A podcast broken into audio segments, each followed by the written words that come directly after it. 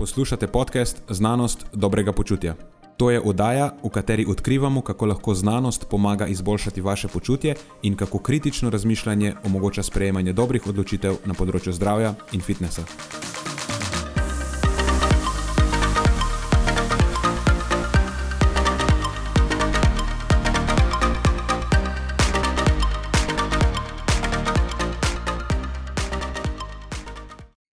Pozdravljeni, z vami smo Nenad in moja sovoditelja Marijo in Matjaš. Glavna tema tokratne epizode je naš pogled na veganski in plant-based pristop k prehrani oziroma k življenju na splošno, glede na to, da določeni vidiki teh pristopov presegajo prehrano. Pogovarjamo se predvsem o različnih strujah znotraj veganskega in plant-based gibanja, o težavah, s katerimi se soočajo naših predlogih za rešitev teh težav, o njihovi percepciji v javnosti in o prihodnjih trendih. Veliko časa namenimo tudi analizi plant-based ponudbe v trgovinah in restauracijah ter analizi razvijajočega se področja plant-based nadomestkov živil živalskega izvora. Predvsem imamo v mislih meso in mesne izdelke. Nekje vmes jaz predstavim tudi povsem svežo raziskavo Van Vlita in sodelavcev, ki je z metabolično analizo primerjala vsebnosti različnih bioaktivnih snovi v vzorcih govejih pleskavic in sodobnih, glede na makrohranila, standardiziranih plant-based alternativ. Ta raziskava namreč postreže z zelo zanimivimi zaključki. No, čisto na koncu pa, kot je v navadi za naše skupne epizode, najprej z veliko žalostjo v norišnico sprejmemo nov primer slabe prakse. Epizodo pa potem zaključimo na pozitivni noti, s tem, da izpostavimo še en primer dobre prakse. Preden začnemo, pa se moram zahvaliti še našim sponzorjem. Zaenkrat to še vedno ni velika korporacija, temveč zvesti poslušalci, ki nam izkazujete zaupanje in podporo s prijavo v našo člansko skupino Znanost dobrega počutja. Hvala vsem, ki s tem držite luči prižgane in omogočate podkastu, da raste in postaja še bolj kakovosten. Hvala tudi vsem, ki nas podpirate s pozitivnimi komentarji in visokimi ocenami, ter s tem, da priporočate podcast svojim znancem in prijateljem. Zdaj pa je končno čas za začetek epizode. Uživajte ob poslušanju.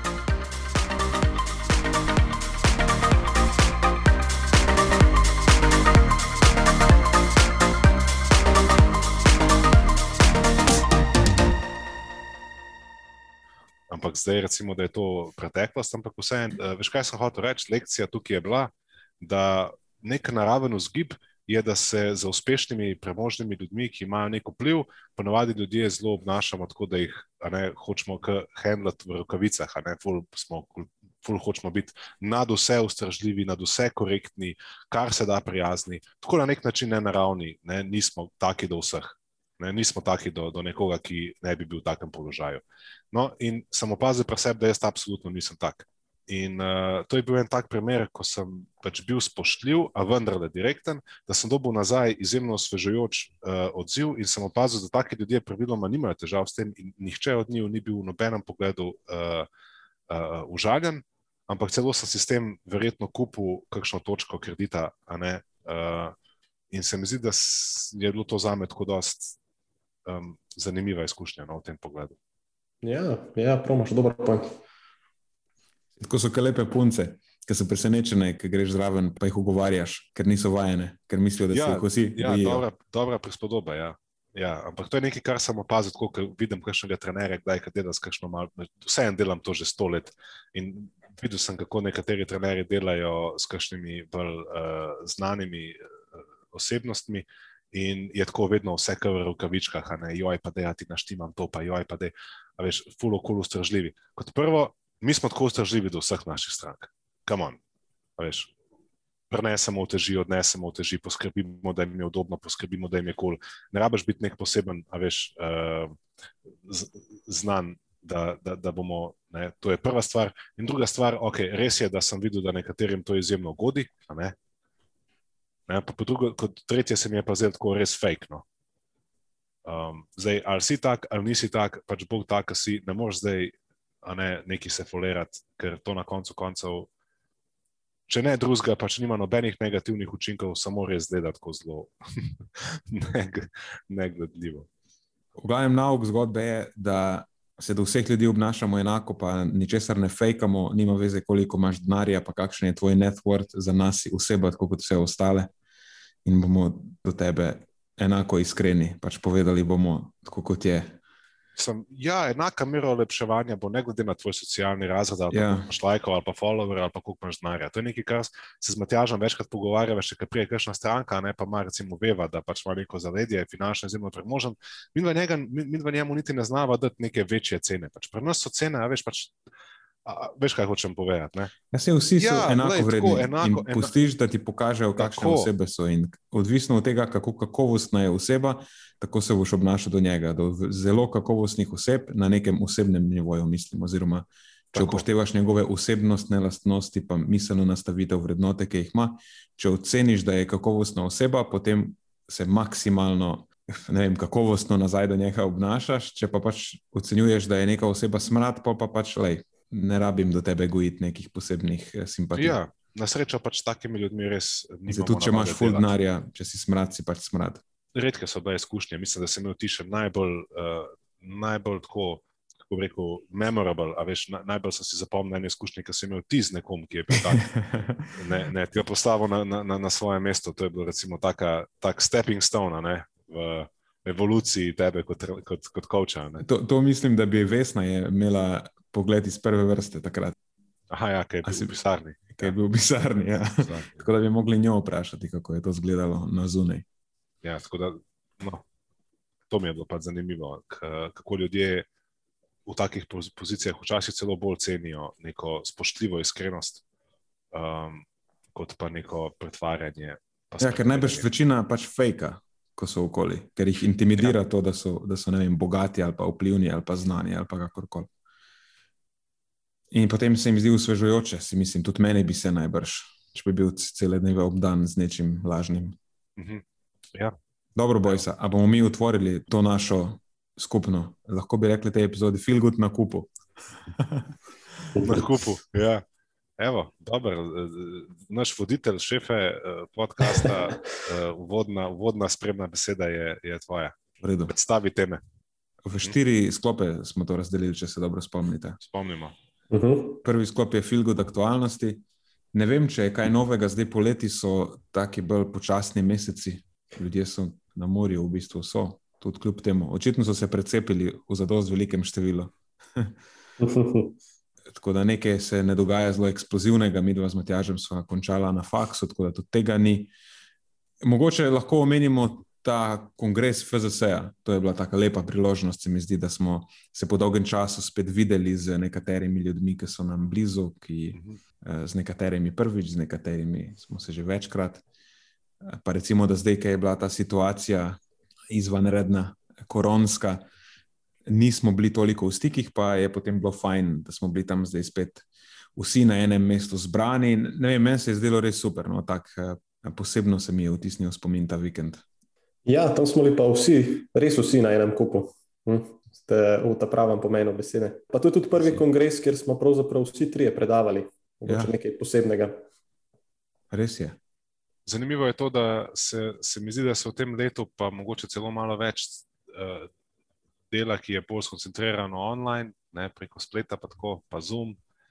Uh, Skoraj da navadiš na to, ne, in potem, ko uh, vidiš ljudi v živo, uh, se toliko bolj razveseliš. Meni je bilo to recimo zanimivo, ljudje, ki smo se videli v živo, o pismo, nekaj, da se nismo videli sto let, čeprav vse srečuješ preko spletnih vsebin, bistveno bolj redno, ampak je vseeno ta stik uh, nenadomestljiv, ko lahko nekako deliš neke izkušnje.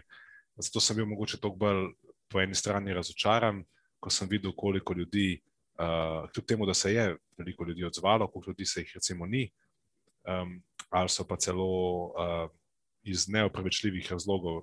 Ne, neopravičljiv razlog za me je, da misliš, da že vse veš Hm. da, da se ne udeležiš, ne, zato ker pač itak že ne, to ti lahko predavaš, ne pa da poslušaš. In to je neko stališče, kjer uh, ga težko razumem. No? Uh, ne vem, težko ga razumem, zato ker je, ne, ne živim ga. Ne?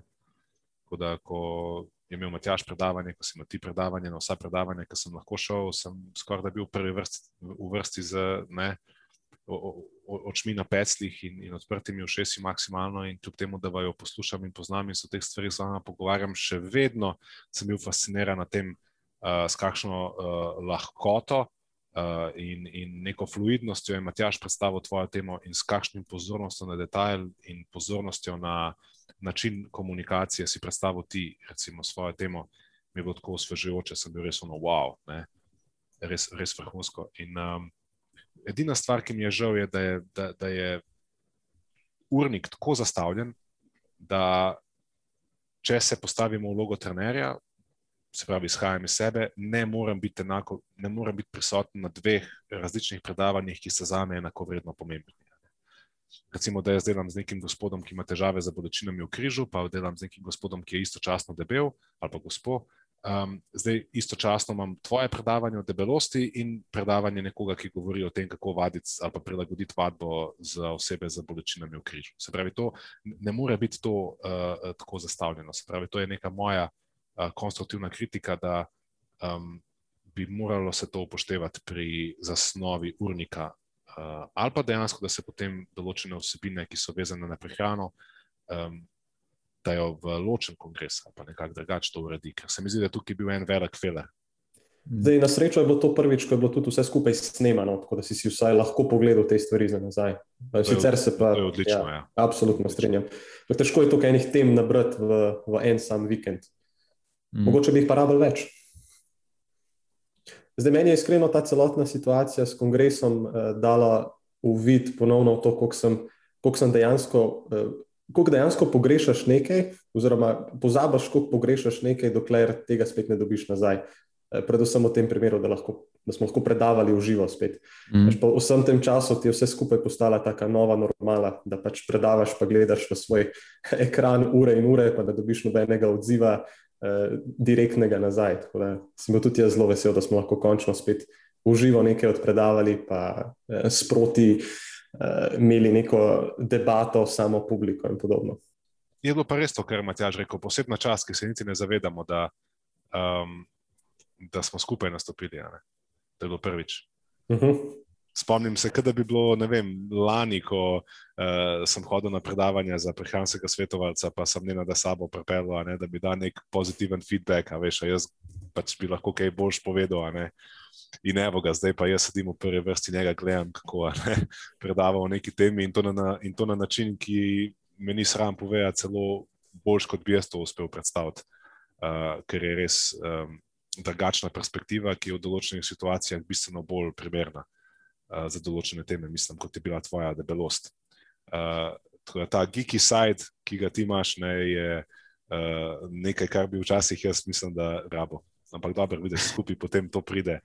Uh, skupaj se to poveže.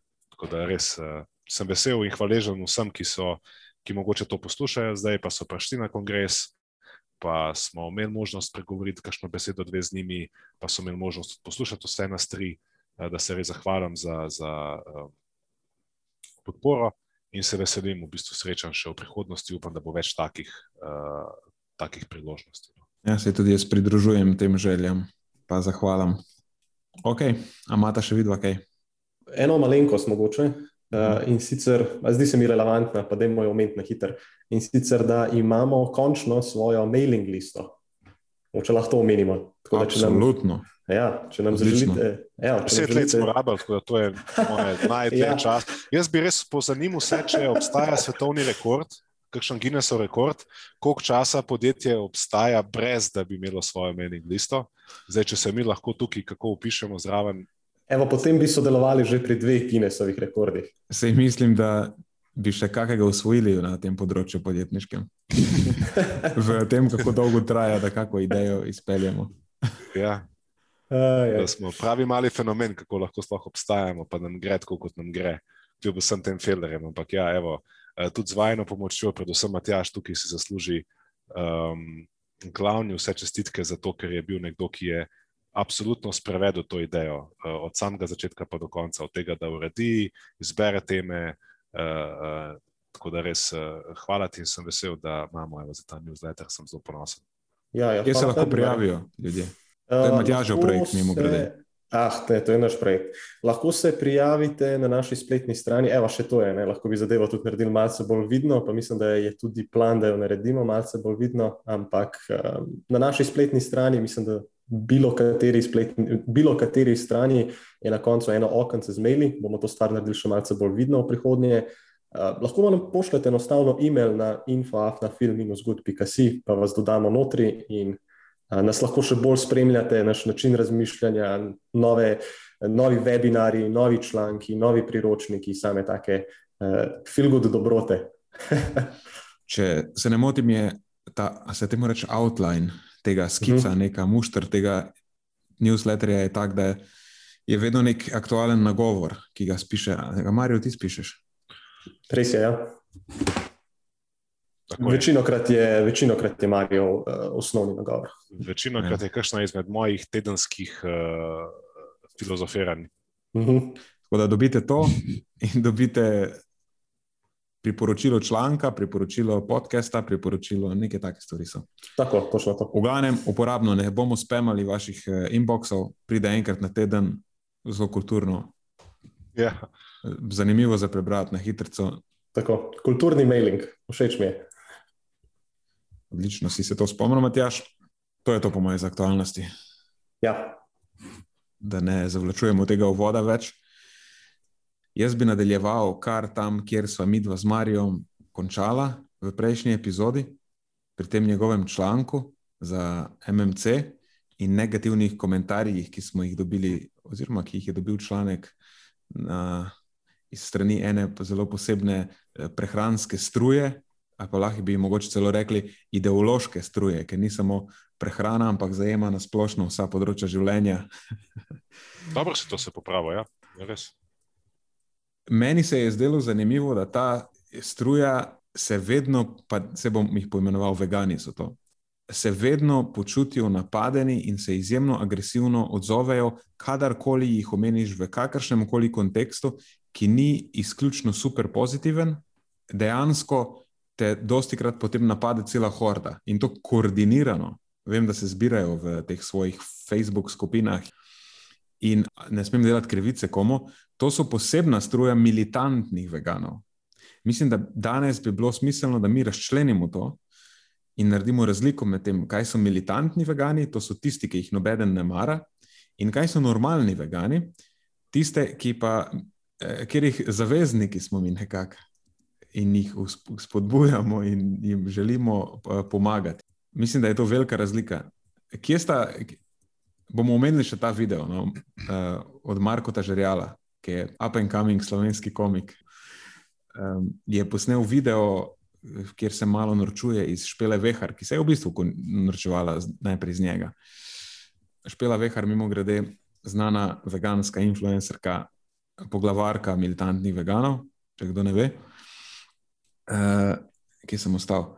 Aha, no, pod njegovim videom je nekdo napisal, no, nje pa še vegani ne maramo. Dejansko lahko razdelimo vegane med te, ki so militantni, pa te, ki so normalni. Ja, malo se smejem, zato ker si v tem svojem nagovoru bil res um, tako robotsko, robotska odsotnost uh, nekih, niti poskusov uh, ni bilo da bi to kako zapakiral. Da, pa kaj če jim zapakirati tukaj? Ja, sej, zato mi je bilo pa simpatično. Um, zato, ker si to ti in ravno v duhu našega voda, pač ne, ne poskušaš biti nekdo. Ne, ne maram jaz stratiti besed, jaz sem pragmatičen človek. Pragmatičen človek, ja. Meni je bil impuls že. Lej, ne, da se ne ponavljam, vseeno obstaja res količina časa, ko delam to, kar delam, in sem imel možnost srečati veliko različnih ljudi, ki so pripadniki različnih prehranskih struj.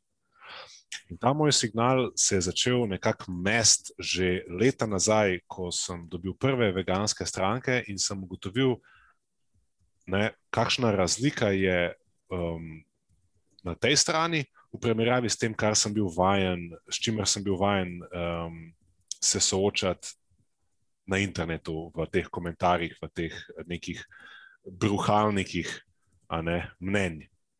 In mi ni šlo v glavo, absolutno mi ni šlo v glavo, kaj se zdaj dogaja. Ne? Kako je to zdaj možno, da imamo na eni strani um, tako razumne, uh, ne, ne, ne ekstremistične ne, posameznike, ki dopuščajo ogromno neke svobode in jasno razumejo, zakaj so se odločili za nekaj uh, osebnega in kaj posledično morajo kot odgovorno storiti, da uredijo pomankljivosti. In kaj se zgodi potem na drugi strani, ko se točno to, kar si ti rekel, ne, absolutno ne smeš niti ust odpreti na robe, pa je to že um, izpostavljeno napadom in kritiki. Uh, tako da to, to, to je zdaj, kar ti praviš, samo še nek, a veš, tist zacementiral vse skupaj, da dejansko obstajajo te razlike in morda so te razlike uh, večje kot pa v kateri koli drugi prehranski stroji. To bi bil moj zaključek. Jaz bi samo povedal, da kaj je motivacija dejansko, zakaj sem načel to temo, pa zakaj se mi je zdelo smiselno spregovoriti o tem. Mislim, da se dela na račun tega, da imamo neko to militantno strujo, ki, kot se je rekel, je, je bruhalnik uh, nekega negativizma. Mislim, da se potem dela krivica vsem ostalim, ker mislim, da jih je velika večina si v glavi dobro razdelala, zakaj hočejo slediti nekemu načinu prehrane, vejo, da iz tega naslova izvirajo neke obveznosti, ki jih imajo sami do sebe, in na račun tega, pač, ker so izključili neke stvari iz prehrane, jih morajo zavestno nadomeščati z nekimi drugimi stvarmi uh, iz prehrane. In zato sem želel, da jasno danes postavimo to nekakšno ločnico med tem, pa mogoče malo probamo oprati ime uh, veganstva na splošno, ampak lahko rečemo temu plant-based, da bo bolj. Uh, mislim, da je ta vegan nek tak zastarel izraz, ki se v bistvu uporablja za nekoga, ki ima neke bolj etične vzgibe, ne nujno prehranske. Pa, da se na prehranskem področju pač uporablja izraz plant-based, sicer tudi to ni glih čist tehnično najbolj prav, se mi zdi, ampak to so tisti, ki pač ne jejo živil živalskega izvora, no? kakorkoli jim bomo rekli. Uh, ker meni osebno se zdi, da smo mi dejansko zavezniki tega načina prehranjevanja. Je to je nekaj, kar je nam simpatično. Vsekakor spodbujamo, da se poje več živil rastlinskega izvora. In želel sem reči, da verjamemo, ampak ni da verjamemo. Teža dokazov kaže, da je z vidika zdravja, dobrega počutja, dolgoživosti najbolj idealno, da večino tvojega energijskega vnosa predstavljajo živila rastlinskega izvora, Uh, lahko potem namenimo še kako besedo. V glavnem, če, če potegnemo črto, smo mi nekdo, ki vzpodbuja to, da se poje bistveno več rastlin, kot jih danes poje povprečen človek, in da mislim, da se vsi trije strinjamo, da bi bilo fajn zamejiti količino mesa, ki se ga poje danes v sodobnem svetu. To ne pomeni, da ne smeš nič mesa jesti, ampak pač verjamemo, da bi bilo za nas vse boljše, če bi ga pojedli manj. Predvsem pa, če bi preferirali kvaliteto nad kvantiteto, da bi posvečali pozornost, kakšno meso jemo, ne to, koliko je mesnih izdelkov, ker mislim, da je velika razlika med tem, ali iz prehrane izključuješ paštete, pa suhe salame, ali če izključuješ zrezke od soseda. Ja, zelo dobro si to v bistvu povzel v spet dobro zbirko besed. Um, kaj pa ti, Matjaž, misliš o tem? Mislim, vse veste, kako se jaz prehranjujem. Dajmo narediti disclaimer. Matjaž je vegetarijanc. Zato sem ja. napeljal hotel na to, kaj pa ti, Matjaž, misliš o tem. Veš, da se on kao ima zdaj, kam z out of his closet. Pa kao ja. jaz ga zdaj malo nađem, a veš, da maga potisnem v to smer. Ja, hvala, Marijo. Hvala, da si me potisnil ven iz omare. ja, jaz sem uh, vegetarijanec, pa ravno sem zdaj razmišljal o tem. Mislim, da bo kmalo že 8 let praktično. In zadela sta res na glavo žebljice, ker iskreno jaz sem nekdo, ki bi se, ali pa se smatram vsaj za neko, ne vem, za neko vrsto plant-based prehranjevala.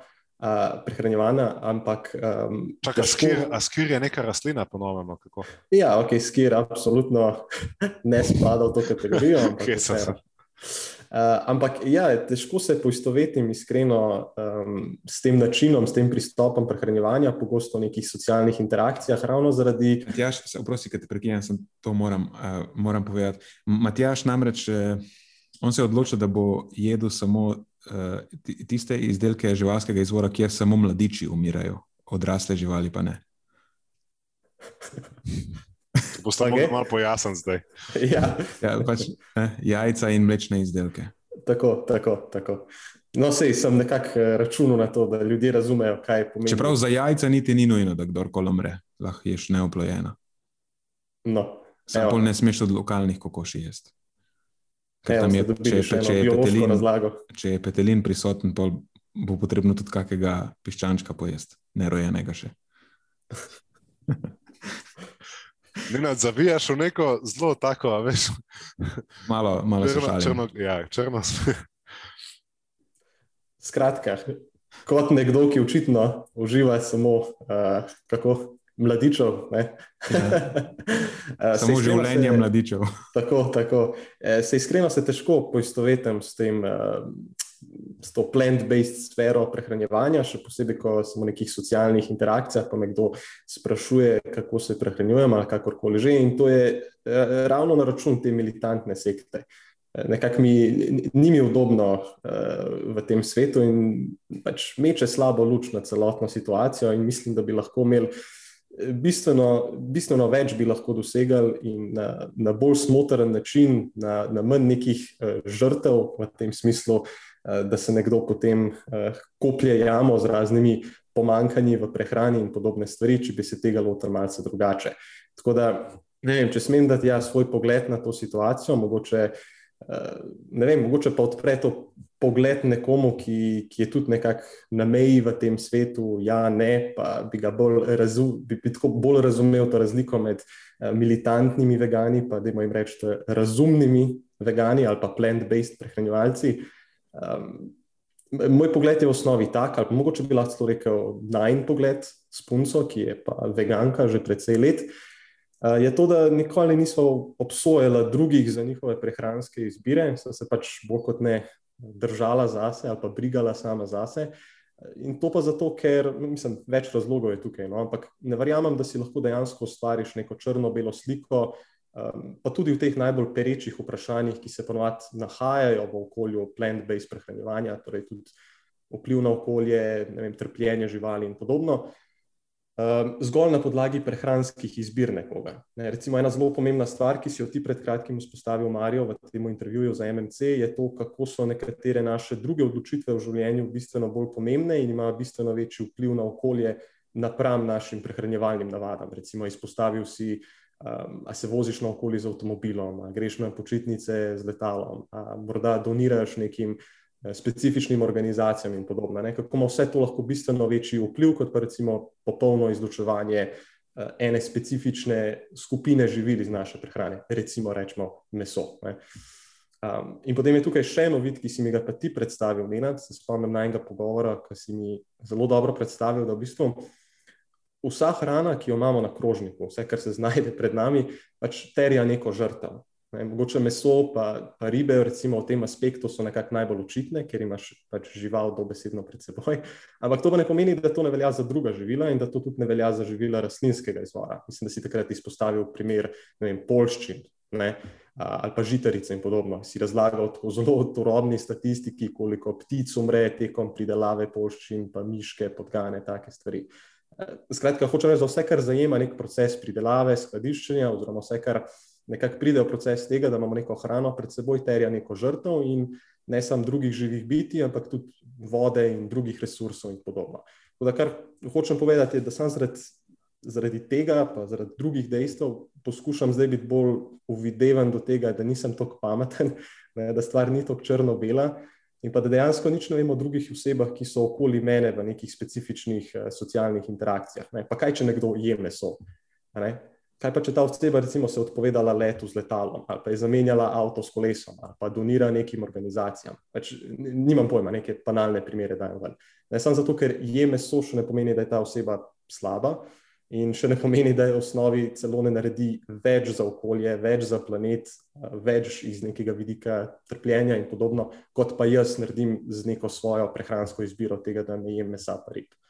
Tako da dajem samo razmislek vsem, si bom ja drznil reči svojim so-plant-based privržencem, da bi mogoče morali kdaj stopiti korak stran od svojega pidestala pa poskušati biti malo bolj razumevajoči do sivine, ki gre v to, v to tematiko. Ne. Ni samo ješ živalske, živila živalskega izvora ali pa ne. So tudi številni drugi aspekti tukaj noter. E, izjemen povzetek tega. Zdaj, še eno stvar. Včasih se kdo odloči za tak način prehranjevanja, zato ker reče, za mojo hrano ni treba nobenemu e, trpeti, oziroma nobeni živali ni bilo potrebno trpeti. Samo to se ne nanaša samo na na hrano. Ne. Recimo, omenil si tudi letenje z letalom, pa mogoče nekdo, ki ga zanimajo okoljevarstveni vidiki, se potem odpove nekim letom na dolge razdalje, oziroma pač leto z avionom, in na ta račun prihrani bistveno več nekih izpustov. Ampak nekdo, ki ga zanima trpljenje, konkretno bo rekel: Ja, pa mene te izpusti ne zanimajo tako zelo, mene samo zanima, kdo trpi za mojo hrano. Ampak da lahko vzletiš, rabiš letališče, ta letališča so ponavadi postavljena, to bo zdaj ful banalen primer, ampak je po moje dober. Ta letališča so postavljena na zelo specifičnih področjih, to so ponavadi bile take, take zelo nenavadni ekosistemi ali pa recimo vredni ekosistemi. In lej, to je treba uničiti, če hočeš zgraditi letališče. Mhm. Tako da tudi to terja vse, kar, ja, vse, kar počnemo na svetu, ljudje, sploh ko ima nek tak zelo viden učinek, kot so to medcelinski leti, to terja nek poseg in ponavadi prihaja z neko mero trpljenja. Zdaj ne pravim, jaz ne upravičujem tega, samo hočem reči, da ni črno-belo nič. Ja, tako, tako se strinjam. Uh, tako da, v bistvu, vse, kar sem želel reči, da če se želi nekdo prehranjevati v tej obliki, da je absolutno podpiramo, ampak uh, To ne pomeni, da, zdaj, eh, oziroma, da so vsi ljudje, ki se ne prehranjujejo po tem sistemu, da so zdaj eh, nekako slabši. Ali pa ne, morda celo naredijo v nekih drugih aspektih več kot vi, to je treba vzeti upoštev. In pa kot drugo, če se že greste česa takega, pač obstajajo neke luknje, uh, treba je malce več prehranske gimnastike v nekaterih aspektih, uh, in to je mogoče nekaj, kar lahko naslovimo potem v nadaljevanju. Ne, mislim, da se specifično s tem ne rabimo ukvarjati, mogoče samo ja, da upozorimo na ta problem. Zakaj se meni zdi to pomembno? To je Marijo, ki je v bistvu začel to tematiko zadnjič enkrat v Džimu. Ko prideš v restauracijo, res nimaš izbire. Vse ima neko meso ali pa ribo na krožniku. Kot vegan, ko prideš v restauracijo, nimaš nič pametnega izbrati. Kot vegetarijanc, mogoče dobiš še kak pohan sir, ampak roko na srce, to glih ni neka vrhunska izbira. Ne. Uh, se mi zdi, da že s tem, če bi ljudem približali, da to, da si plant-based, ne pomeni, da si nek ekstremist, pa da se te morajo v restavraciji bati, pa te odvračati, ker jim boš povzročal težave, ampak dejansko si nekdo, ki enako uživa v hrani. In bi rad jedel v restavraciji, če bi imel izbiro, pa ne bi rad povzročal restauracijam uh, problemov, samo dejansko je težava, da nimaš izbire. Mi smo se takrat spraševali, kaj je razlog temu, zakaj večina restauracij še zmeraj nima, nima te izbire. Um, ok, kako se sploh prišel do tega? To je nekaj, kar mene izjemno fascinira. Kako lahko nas, recimo, namreč eh, dojemajo militantni vegani kot nekoga, ki je a priori proti njim, ker pač ne, napadajo nas. Očitno je, da greš ti ne nad določenim med njimi izjedno na živce, ker pa si ta, ne, direkten in, in anapologetik. Um, in zdaj jaz mogoče še bolj s tem člankom. In um, to mi je fascinantno. Zakaj? Plant-based posameznikom pomagamo izboljšati prehranske navade in življenjski slog že od časa, ko militantni vegani sploh niso bili organizirana sekta, ko so bili samo posamezniki, ki so se želeli prehranjevati malo bolj plant-based iz različnih razlogov. In jaz sem se že leta nazaj takrat soočil s tem, kako lahko njim pomagam reševati probleme. In sem opazil, da zelo veliko izbire nimajo, če se želijo prehranjevati vsaj podobno kot vsi ostali. Se pravi, da hočejo iti ven kaj pojesti, da hočejo ne, vse se razumemo, ne, naročiti pa ne iz, izpadati totalno, ne, um, ne vem, prej si rekel ekstremisti. Mene so namreč napadli tudi zaradi te besede, ko sem naredil to objavo, sem poimenoval, da je to ekstremen način prehranjevanja. Da, in potem so potegnili iz tega ven, da jaz pravim veganom, da so ekstremisti, kot žaljivka. Pa ni tako mišljeno, ne? to bi rad sam pojasnil, če imamo to minuto. Meni se veganstvo kot ideologija ne zdi ekstremistična. Meni se zdi pa način prehranjevanja, ki izloči več kot polovico ali pa polovico živil, ekstremističen zato, ker je treba zdaj zelo, zelo veliko luken pokriti. Ne? In enako velja tudi za keto način prehranjevanja ali pa karnivro način prehranjevanja. Je ekstremističen način prehranjevanja v tem pogledu, da si izločil ogromno število različnih hranil in zdaj imaš pač, ne, moš to zrihtati. V tem pogledu se mi zdi to ekstremistično. Da, mislim, da je to precej uh, uh, čudno, Zato, ker glede na to, da mi nismo nekdo, ki trdi v zvezi z veganstvom neresnice. Primer. Jaz razumem, da bi nekdo rekel, veš kaj, vegani so bolani, ne morejo biti zdravi, moraš jesti meso, zato ker ne vem, tisto pa tretje. Jaz pa razumem, da je to nekaj, kar lahko tako populacijo, raz, po domače rečeno, razpizdi in potem napadejo oziroma se odzovejo agresivno. Zato, ker govoriš stvari, ki niso res. In da bi bili mi takšni, ki bi govorili neresnice, potem lahko razumem tako odziv ga pa ful teže razumem, glede na to, da smo mi izrazito vokalni v tej smeri, da ti si na podkastu že vse čas, koliko časa nazaj, govoril o tem, kako je plant-based način prehranjevanja superiornejši nekaterim drugim primerljivim, kako poskušamo spodbujati tudi, da jejo več rastlinske prehrane, kako poskušamo iskati zamenjave za meso. Uh, ne skrivaš svojega navdušenja nad domestki mesa in insekti in drugimi izbirami. Uh, Uh, govorimo celo o tem, jaz sem celo v članku izpostavil, da je veganski način prehranjevanja lahko povsem ok, pod pogojem, da se pač določene luknje zapolni. In... Ampak to je problem, postavil si pogoj. Brezpogojno mora biti. To je, a verjameš v Boga, ni zdaj tukaj ja ali ne. Ampak enako bi rekel za kjerkoli drugo stvar. Ja, prehrana je, veš, ful mi je nenavadno. In res mi je nenavadno, da se spravaš na nekoga, ki je v bistvu tvoj zaveznik v tem boju. A ni? Mi, smo, mi govorimo o tem, da je treba zmanjšati, da dajmo se pogovarjati o načinih, kako zmanjšati uživanje mesa na račun tega, da poskrbimo za raznolikost pri vnosu beljakovinskih živil. Dajmo se pogovarjati o tem, kako lahko dvignemo vnos rastlinske prehrane. Pač mi smo, a veš, v tem smislu smo mi njihov zaveznik, ampak kljub temu se obnašajo nismo največji ekstremistični. Se to je zdaj samo potrditev tega, kar si ja. rekel. Za večino njih smo zavezniki, nismo pa zavezniki za tiste najbolj ekstremistične, ki te obsodijo, ko rečeš karkoli, ko ne upevaš samo te njihove zadeve, ampak izpostaviš, da obstaja potencijalna neka pomanjkljivost, ne glede na to, kako majhna je marginal ali kako hitro se jo lahko odpravi. Ne, nisi absolutno zaverovan v to in ti si sovražnik. No, to je potem, modus operandi, ki ga ima ja. nekdo, ki je pač res goreč vernik. Le, zadev si, nimam, nimam proti argumenta. Priznam, tukaj nimam proti argumenta. Imam pa vprašanje. Zdaj, če smo mi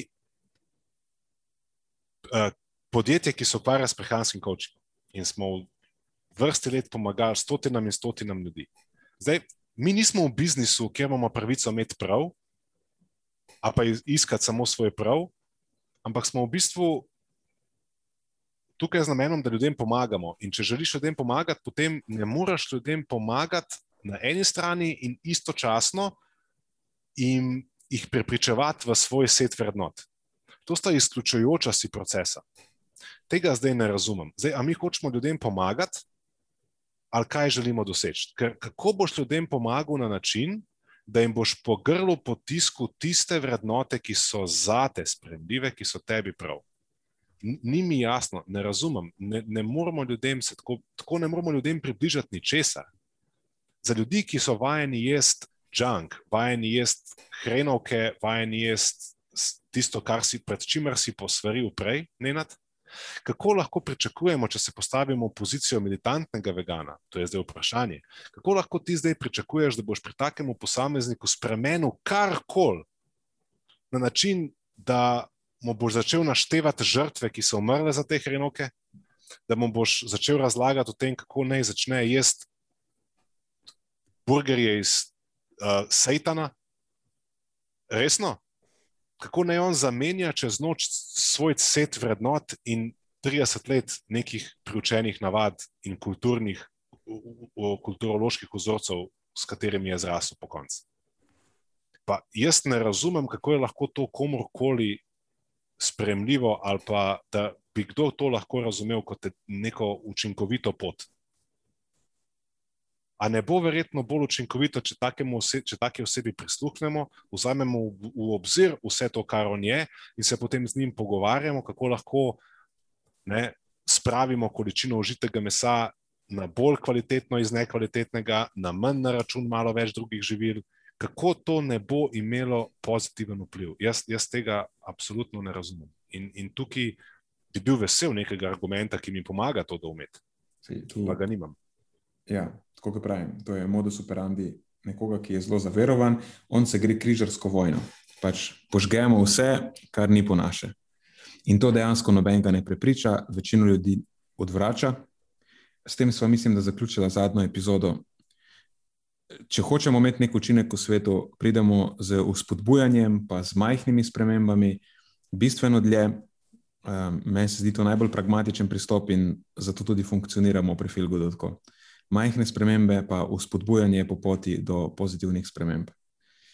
Uh, nekako v praksi vidim, da je to daleč najbolj, uh, najsuperiornejši pristop. Ja. Zakaj pa kljub temu opozarjam na potencijalne pomenkljivosti, recimo do določenih načinov prehrane, ne samo veganskega načina prehranevanja? Vse enako počnemo, nismo, veš, nismo se zdaj mi naperli proti veganskim, eh, proti plant-based načinu prehranevanja. Vse enako počnemo tudi na drugi strani. Ne recimo keto način prehranevanja ali pa LCHF, počnemo isto. Dajmo pristopiti odgovorno, Ne, ne vidim, kako je lahko to, um, zakaj se to večkrat ne izpostavi. Sej, izpostavljamo na te miselne zmote samo zato, ker se ukvarjamo s posledicami. Z Nenadom smo imeli večkrat tukaj pred nami, jaz sem v pisarni, pa lahko rečem tukaj pred nami, um, posameznike, ki so zaradi odločitev, ki so bile mogoče čustvene, sprejeli neke prehranske spremembe, zaradi katerih so potem tekom let, še posebej, če so bili športniki, če so bili mladostniki v razvoju, si prijedli kopico določenih pomankanj in zdravstvenih navšečnosti. In to je nekaj, o čemer se absolutno ne govori. Poskuša se pomesti pod preprogo in se potem na piedestal ne prikaže samo tiste, ja, se jaz sem pa že pet let vegan, pa mi nič ni. Se pravi, ta neka odgovornost v ozadju se mi zdi, da ne vem, kako lahko komorkoli škodi če pristopimo odgovorno, pa rečemo, ok, lej, to je nek način prehranjevanja, ki je tak, kakršen je. Dajmo zdaj pogledati, kje so tiste luknje, ki jih moramo pokriti znotraj tvojega sistema vrednot, tvojih zmožnosti, ne, tvojega načina življenja in tako dalje. Uh, to je nekaj, kar, kar poskušamo narediti, in um, iz, zato se, se vrnem nazaj, pa potem predam besedo. Uh, kako vidva vidite to? In ko sem poskušal to ljudem, ki imajo, ki, delimo, ki delijo z nami to razmišljanje, uh, se pravi, plant-based posameznikom, ki niso glih od mesa, niso glih od ribe, poskušajo pač za svojo prehrano poskrbeti, kar se da um, po najboljših močeh, brez tega, da nosijo okoli ta prve posodice, pa ustajajo ob štirih po noči, da si kuhajo pet svojih ne, uh, plant-based obrokov, ampak bi radi sem pa tjašti tudi kaj ven pojesti. Sem imel težave ne, ker, uh, in dati nek nasvet, ne, ker zunaj imaš Danes bi lahko nekdo naredil case, da je že bistveno lažje, bistveno bolje, določeni postajajo bistveno bolj odprti, več je, več je plant-based restauracij. Okay. Ampak kljub temu, nikoli ne bom pozabil, smo šli z ekipa, smo šli na, na nek, v eno fino restauracijo jesti, veš, izprsili smo se fino, tako račun je bil lep, debel. Pa kljub temu Matjaž ni mogel v tej restauraciji dobiti nič drugega razen pohanega sera. Ne. Pa to je meni nespremljivo. Dejansko je jedel takrat, se spomnim, sicer je bil fin sir. Nek poseben sir je bil, če se spomnim, in pečen tako na nekem, uh, ni bil glih odsvrt volje. Ampak ona je bila res fina restauracija, sam ni bilo izbire. Imel si, mislim, da eno ali pa dve brezmesni izbiri, in še to nista bili veganski izbiri.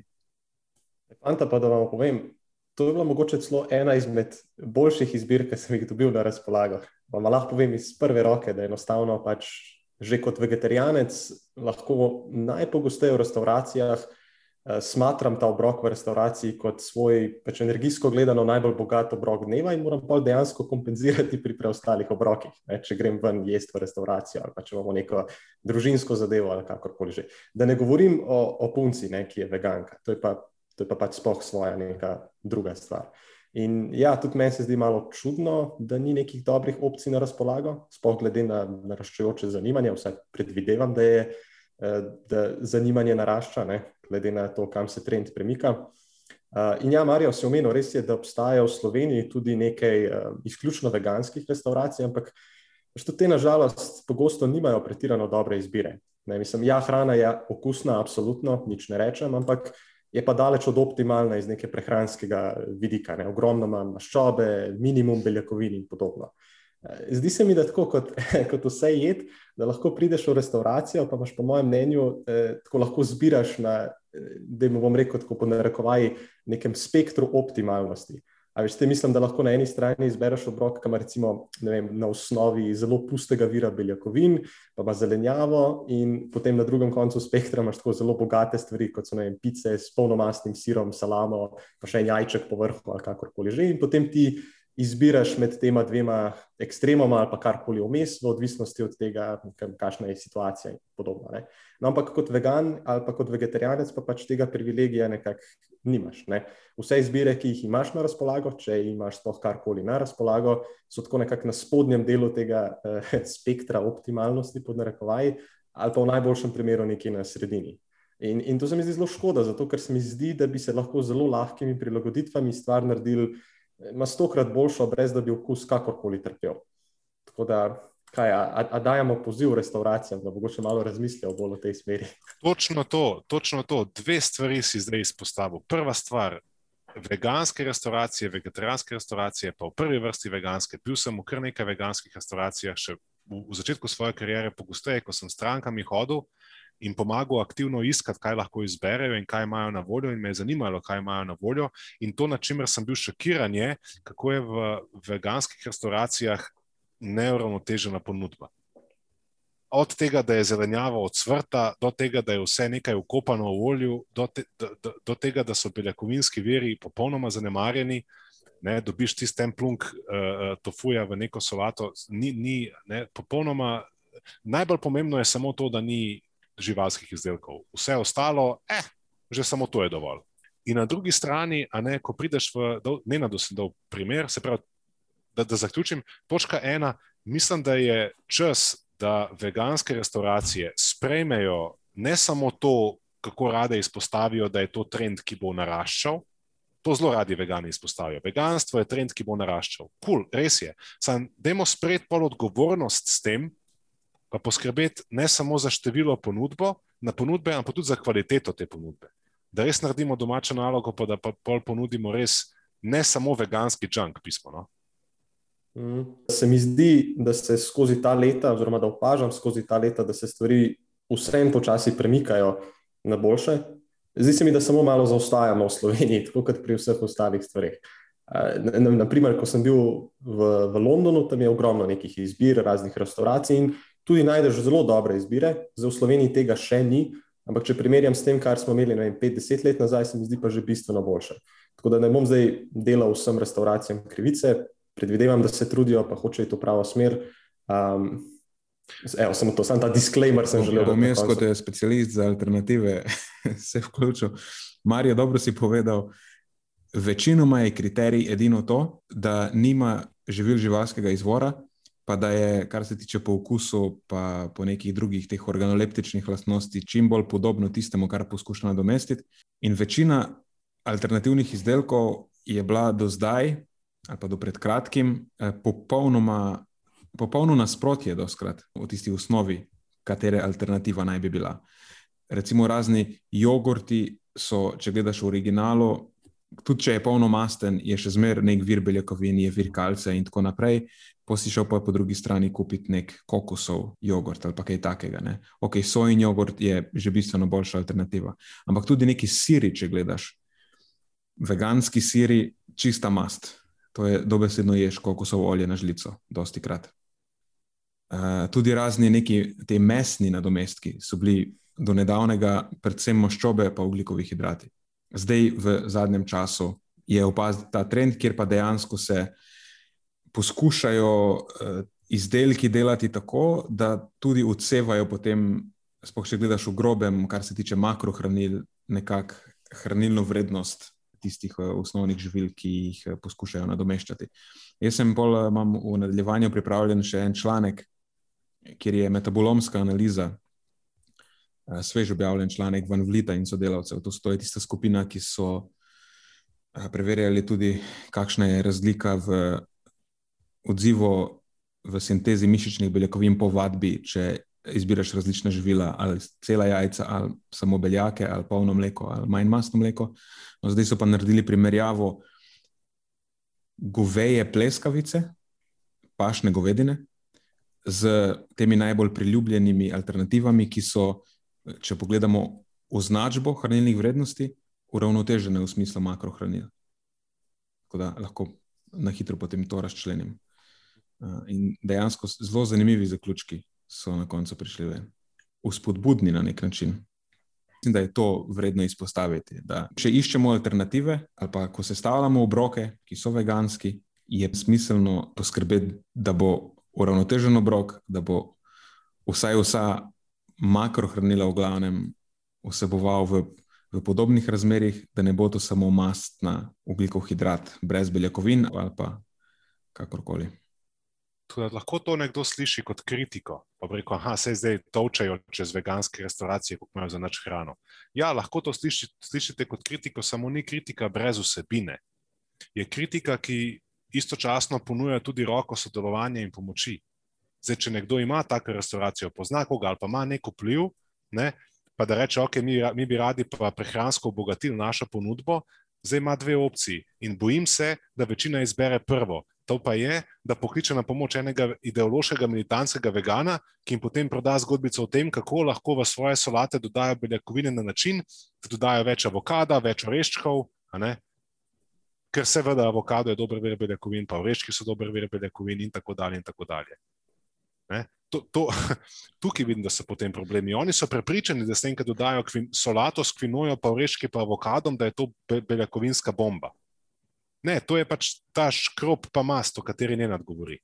Samo malo bolj fancy. Ne? Se pravi, treba je pa dejansko narediti domačo nalogo, ne? ne pa pač poklicati na pomoč nekoga, ki ti bo tako odpovedal to, kar ti hočeš slišati, pa važno je, da je vegan. Ne? Ker samo vegan lahko svetuje o veganski prehrani. Ja. To je pač točka številka ena. Točka številka dve se pa navezuje na pogovor z Neandom, ko sem prišel iz zdravilišča, kjer sem bil 14 dni po operaciji Kovka in seveda nisem mogel iz svoje kože in sem opazoval ponudbo prehrane na takem nivoju. Pač to je večja kuhina, kuhinja in nagovarja neko širšo paleto ljudi, od starostnikov do srednjega uh, starostnega razreda, pa tudi do mlajših. Jaz sem bil tam, tam med mlajšimi. Uh, in to mi je bilo fajn, da sem bil nekje spet med mlajšimi. In um, kar sem opazoval, je, kar sem večinoma opazil, je to, da ljudje so skozi vse starostne razrede katastrofalni pri oblikovanju svojih obrokov. Zdaj, da ti sebi narediš kot kosilo, pa to nisem videl enkrat, rižoto, pa zraven krompir, pa pol sladico. Pač, ne, to je nekaj, kar osnovnošolsko, ne, navd, osnovnošolec, ki je navdušen kuhar, zna ločiti, ne, kako oblikovati krožnik, pa ne bo dal dveh različnih škrobov skupaj. In In druga stvar, razen tega osnovnega nepoznavanja, kako oblikovati obrok, mi je stopilo ven, da v bistvu res, ne, vedno se postavimo v vlogo Matjaža ali pa njegove punce. Ne. Kako bi zdaj Matjaž tukaj izbral, ne, ali pa ona, da kako bi izbrala tukaj? Ni šans. Jaz, če sem hotel oblikovati nek svoj bolj uh, plant-based obrok, a veste, kaj sem mogel narediti? Zraven riža sem mogel dati prebranac. Zdaj, ja, vada, da je bilo v prebrancu šunka, pa ne vem, pač ne zdraven. Se pravi, ne, ne, nikakor ne moreš sestaviti nič pametnega. Ne? In pol na koncu ti ostane, da ješ pač kaj, pusti riž pa solato. Ker vse ostalo je tako ali pa drugače že. In pa sem jaz to predstavil, ne na to svojo neko mini frustracijo, in je on meni dal, seveda, pač popolnoma ne na to podoben odgovor, ne? pač valjda, da ni, če se jim ne splača, ne? kdo pa to pojedo. Ne si predstavljaš, da pride en, en vegan tja, pa poje svoj tofu, in potem jim ostane še 27 tofujev. In kaj ne je zdaj s tem? In, in popolnoma razumem in vidim ta argument. Sam po drugi strani pa mislim, da bi tudi na tej, ne, v tej smeri se dalo narediti vsaj nek približek, da, eh, da bi lahko ne, vegetarijanc ali pa vegan našel neko izbiro zase, ker um, absolutno pri kosilu in pri večerji imeti samo tri različne ponudbe mesa in tri različne ponudbe ribe, ni ne, v nobenem pogledu optimalno. Ker imel si pač cvrto meso, imel si pečeno meso, imel si belo meso. Si... Okay, pač niso imeli, se to vsi jim zdi. Ja, zdaj sem pač uživel sem se v kožo in veš, zdaj živel sem se spet nazaj. Sem bil, ja, dajmo biti malo, ja, biti malo praktični. Okay, kaj, ja, kaj hočemo reči? To, da, če hočemo doseči spremembo, da bo več ljudi jedlo živila rastlinskega izvora ali pa rastlinske alternative, ali pa v končni fazi, da bomo mi imeli te alternative na voljo, potem ne moremo biti militantni, ampak moramo ljudem približati to kot nek prijazen način prehrane ali pa nekaj, kar je lahko tudi okusno, kar ni povezano z nekim negativizmom pa odvračanjem ampak je lahko dejansko zelo zanimiva in okusna jed, ki bi jo jedel ne, tudi nekdo, ki sicer je živila živalskega izvora. Tako kot sem, na primer, jaz iskreno uživam v tem, ko lahko jem neke alternative ali pa jedi, ki pač ne vsebujejo živil živalskega izvora. Ni nujno, da si vegan, če hočeš o tem uživati. In potem, če bi veliko število ljudi se v tem naučilo uživati, potem bi se unemu hotelu tam splačalo imeti rastlinske alternative. Dokler pa so te rastlinske alternative povezane večinoma z ljudmi, ker se, se spohne, da jih je večina znotraj te eh, veganske ali pa plant-based eh, skupine takih, samo najbolj glasni so. In vedno mi asociramo to skupino ljudi s tistim deležem znotraj te skupine ljudi, ki je najbolj glasen. Ustvarimo si, si stereotip, si moramo na podlagi nečesa ustvariti. In dokler je eh, eh, so živila ali pa jedi, pretežno rastlinskega izvora ali pa izključno rastlinskega izvora, povezane z ljudmi, ki so problematični ali pa ki samo težijo ali pa eh, ti onemogočajo, da ješ tisto, kar imaš rad, pa te silijo, da ješ tistega, kar nimaš rad. Potem bo to ljudi odbijalo, in na račun tega, potem tudi zate ne bo za dosti dobrih izbir v hotelu, ker se bodo ljudje tega izogibali, in na koncu je samo luz-luz situacija nekako moramo uspodbuditi, če hočemo imeti izbiro, da tudi tisti, ki niso, ki ne stremijo k neki eh, tej ekstremni ideologiji, reči, če hočeš tako, se naučijo uživati v tem, pa da je povpraševanje za dosti veliko. Ker če bo to vedno nek marginalen odstotek ljudi, potem lej, ne boste prišli nikamor, če lahko to tako povem. Jaz se strinjam z vama obema. Mogoče bi samo to dodal, da ni potrebno veliko nekega dela in truda, da se zadovolji te uh, plant-based potrebe v hotelih in podobno. Pač do, recimo v tvojem primeru, Marijo, kaj bi tam potrebovali? Mislim, da daš eno skodelo, kjer je tam čičerika ali pa fižol ali pa leča. E, s tem ne rešiš ničesar, ker ljudje tega ne bodo zbirali. Če jim Razumem. hočeš ponuditi rastlinske alternative, potem jim moraš pokazati, kako je to okusno in jih spodbujati, da to jemljajo. Samo to, da nastaviš odprto konzervo, nažalost ne bo šlo. Ne, ne, absolutno to razumem. Ampak tudi, tudi to je v osnovi potrebno, ker tle, ki si razlagal, Marijo, tega enostavno ni bilo. Rekl si, da je prebranac in še tukaj notri uh, je bila svinina in to je bilo to. Ne? Ja, neka, ne, neka v bistvu, a, a, ignoranca, ker kot si sam prej rekel, ne, obstajajo v tujini, se, več si se ti gibal, jaz sem se tudi gibal po tujini in vedno, kadarkoli pridem kam um, ven, ne, sem tudi na te stvari pozoren. In te malenkosti se poznajo kot razlika. Ne, da ja, imaš ne, nek kotiček, kjer pa vseeno lahko nek plan-based posameznik najde zase. Razumem pa njena do point, v prvi vrsti mora biti ta posameznik dovolj ozaveščen. Zdaj tukaj mislim, da gremo mi skupaj s ponudniki nekako roko v roki. Ne. Mi smo tisti, ki moramo prevzeti odgovornost ozaveščanja ne samo splošne javnosti, kako lahko uh, skombinira različna živila, pa vključi različna živila, pa ne sestavlja obroke, uh, ampak istočasno tudi, da se morajo biti pripravljeni tudi ponudniki prehrane v restauracijah sprejeti to odgovornost in se biti pripravljeni pač in naučiti in razviti ta del svoje ponudbe. Um, tako da mogoče je tukaj zdaj Ja, sej, v bistvu v osnovi sem se samo za, za to oglasil, ne? ker če morda res nekdo posluša, bo to naletelo na neka prava ošesa, da ne bo zdaj pod vtisom, da bi moral uh, nek tak ponudnik ogromno spremeniti ali pa res ogromno narediti na tem področju. Ne? Ja, že ena take malenkosti, ki sem jih opazil ponekod, je, da so imeli pri zajtrkih, uh, poleg različnih, recimo jogurt, imaš, pa imaš uh, mleko, so imeli pa recimo sojino mleko zraven, pa riževo mleko zraven, da si je lahko nekdo naredil kosmiče s svojim mlekom. Ne. Potem pri kosilu, a ne da imaš pač en del, zdaj videl sem tam, da počasih imajo kakšen kao brez glutena. Ne. Zdaj, brez glutena je neka stvar, ki je pogosteje prisotna, kot pa veganska ali vegetarijanska opcija. To se mi zdi res na glavo. Vemo, da je izjemno majhen procent populacije, ki ima dejansko celiakijo ali pa da mora iz takih ali pa drugačnih razlogov, ki niso namišljeni, se eh, glutenu izogibati. Po drugi strani je pa ne, um, količina posameznikov, ki želijo izbrati obrok brez mesa ali ribe, mogoče, pa vsaj lahko rečemo, gotovo večja. Pa da se jim vsaj ponudi neka opcija. Ne. Tako da tukaj mislim, da bi se dalo veliko postoriti v prvi vrsti pri samem ozaveščanju in pokazati ljudem, kako lahko te stvari vključijo v svojo prehrano, in na drugi strani potem, da dejansko imaš ponudnika, ki to omogoči. Ker če samo en del naredi svoj, če samo, en, če samo mi naredimo svoj posel, tako da samo mi ozaveščamo, potem situacija ne bo prišla okol, zato ker še vedno ne spremenimo druge plati, da imajo možnost izbrati.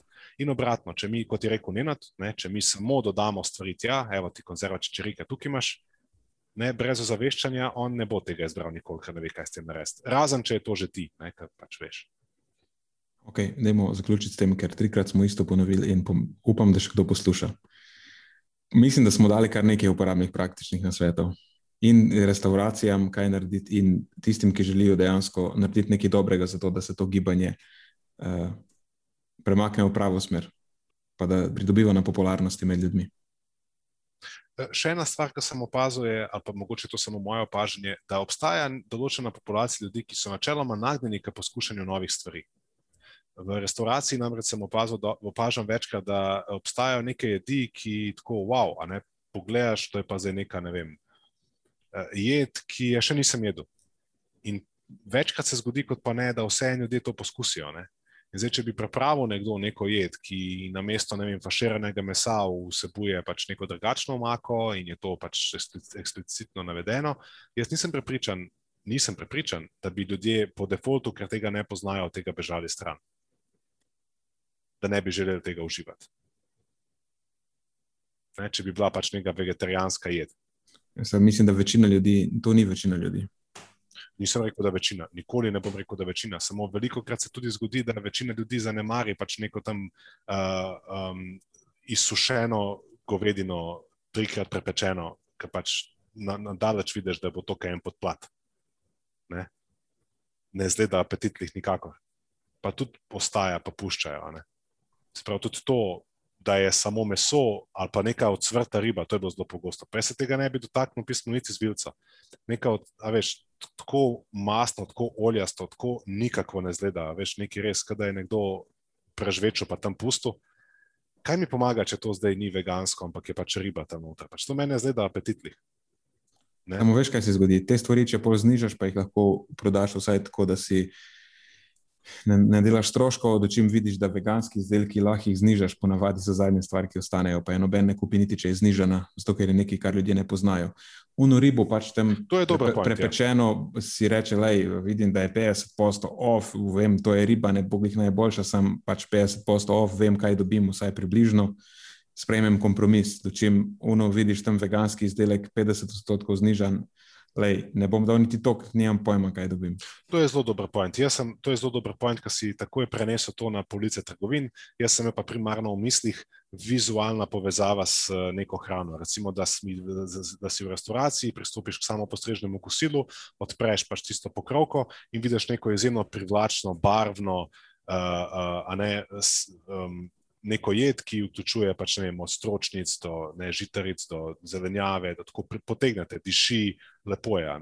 Zdi se mi, da je, to, da je to nekaj, kar mogoče drugačen vtis povzroči pri posamezniku, Ampak... pa nekaj pakiranega tam le v enem, eni embalaži, ki piše Vegan Gor. Ja, samo zdaj se vrnemo na tisto, kar sem jaz na začetku izpostavil. Je to, da nekdo mora vedeti, kako to jed pripravi na tak način, da je ja. vizualno privlačna, da diši, da je dobra.